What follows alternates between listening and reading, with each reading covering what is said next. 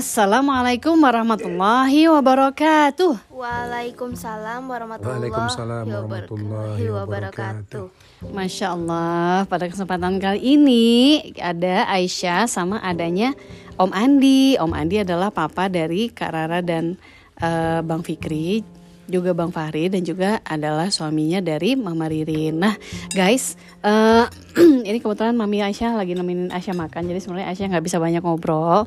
Jadi eh, semalam eh, maminya Aisyah mendengar ayahnya eh, Bang Fikri memberikan dakwah kepada seseorang. Nah dari situ mamanya eh, Aisyah tertarik bertanya sama eh, Om Andi. Barangkali Om Andi berkenan untuk eh, memberikan dakwahnya untuk eh, para anak-anak sekolah eh, dalam eh, mencapai cita-citanya ya di mana cita-citanya ada dua ya sukses di dunia tapi juga sukses di akhirat nanti. Nah Om Andi boleh nggak sih berikan nasihat buat eh, anak-anak kita eh, di Indonesia ini? Silakan Om Andi. Baik, Silakan dipegang Om Andi. Baik. eh, kita akan memberikan sedikit eh, penjelasan atau bimbingan pada anak-anak kita yang mendengarkan.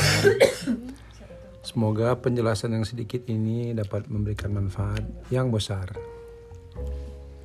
Kenapa? Karena anak-anak zaman sekarang ini eh, perlu sekali agama. Iya.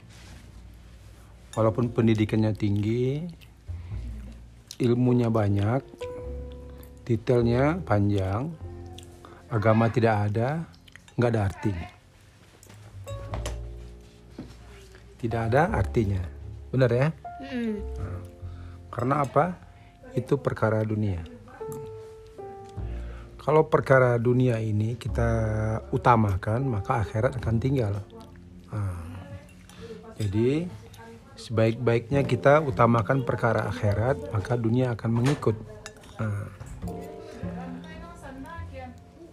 Terus yang paling utama sekali yang perlu kita ingatkan ini masalah sholat. Dalam Al-Quran dikatakan As-sholatu imanuddin Sholat itu tiang agama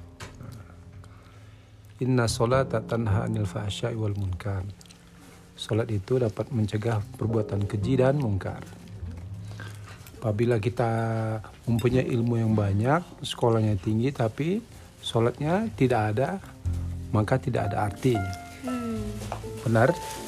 Karena apa? Nah, kata Nabi Shallallahu Alaihi Wasallam dalam sebuah hadis yang artinya sholat itu tiang agama. Nah, terus sholat itu bagaikan kepala pada badan.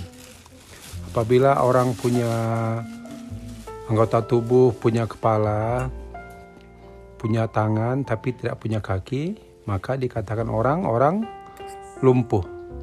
Benar ya? Iya. punya kepala, punya tangan, tapi tidak punya kaki, artinya orang lumpuh. Nah, Kalau orang punya kepala, punya kaki, tapi tidak punya tangan, apa kata orang? Orang Lumpuh. potong tangan. Potong tangan. Ah, masih dikatakan orang. Tapi apabila dia punya tangan, punya kaki, tapi tidak mempunyai kepala, maka dia dikatakan apa? Tidak orang. Bukan orang. Bukan. bukan orang, bukan manusia. Ah, ghost mungkin ya. orang akan lari, bener ya? Orang akan lari. Nah, setelah itu, itulah pentingnya kita sholat. Apabila kita melaksanakan sholat, maka kita jaga waktunya, maka Allah Subhanahu Wa Taala akan memberikan kebaikan-kebaikan pada kita. Orang yang menjaga sholat ini sudah ada janji dari Allah Subhanahu Wa Taala. Apa janji Allah? Orang yang menjaga sholat kata Al-Quran akan dikasih hadiah dia surga Firdaus. Nah, surga Firdaus itu bagi orang yang menjaga sholat. Orang yang menjaga sholat dan menjaga kemaluannya. Sehingga orang yang menjaga sholat ini ada janji-janji dari Allah Subhanahu Wa Taala. Pertama, akan menerima catatan amal dari tangan sebelah kanan. Meniti sirot secepat kilat. Masuk surga tanpa hisap. Selamat dari azab kubur. Karena janji Allah, orang menjaga sholat akan dihadiah, kasih hadiah surga Firdaus. Nah, tahukah kamu kata Allah, orang-orang yang menjaga sholatnya, yaitu orang-orang yang akan mendapatkan surga Firdaus. Bagaimana Aisyah? Benar ya? Hmm. Ah benar. Terus apabila kita punya ah, punya kebaikan-kebaikan di kampung itu kita punya apa nama yang baik, sering menolong orang, sering kasih- bantu orang-orang susah, tidak pernah marah-marah sama orang tua, ya, sering bersedekah dia, tapi dia tidak sholat. Kata ulama dia sesungguhnya dia orang-orang yang pura-pura baik gitu. Dia pura-pura baik saja.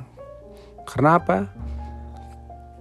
Kata agama, orang yang tidak sholat tidak ada kebaikan bagi dia. Nah, gitu. Karena tidak ada hubungannya sama Allah. Terputus dia hubungan sama Allah. Nah, kalau kita jaga sholat, berarti kita ada hubungan sama Allah. Ya, orang tidak menjaga sholat, tidak sholat, ibarat layang-layang putus. Nah, terserah dia aja terbang ke mana-mana, Allah lepas saja. Setelah itu dia akan mendapatkan balasan di akhirat. Sehingga akan menyusahkan kehidupannya selama-lamanya. Terus satu lagi, itu masalah sholat. Nah, perlu dijaga sholat. Sehingga sholat itu dapat membentuk akhlak kita. Karena ada janji Allah Subhanahu wa taala, ah, Inna sholata tanha anil fahsya'i wal munkar.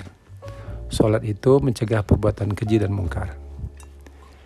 Jadi eh, karena waktu yang membatasi kita, kita cukupkan uh, sekian dulu kultum kita pada malam hari ini. Insya Allah besok kita akan sambung lagi di tayangan yang sama. Kita akhiri wabillahi taufik wal hidayah. Assalamualaikum warahmatullahi wabarakatuh.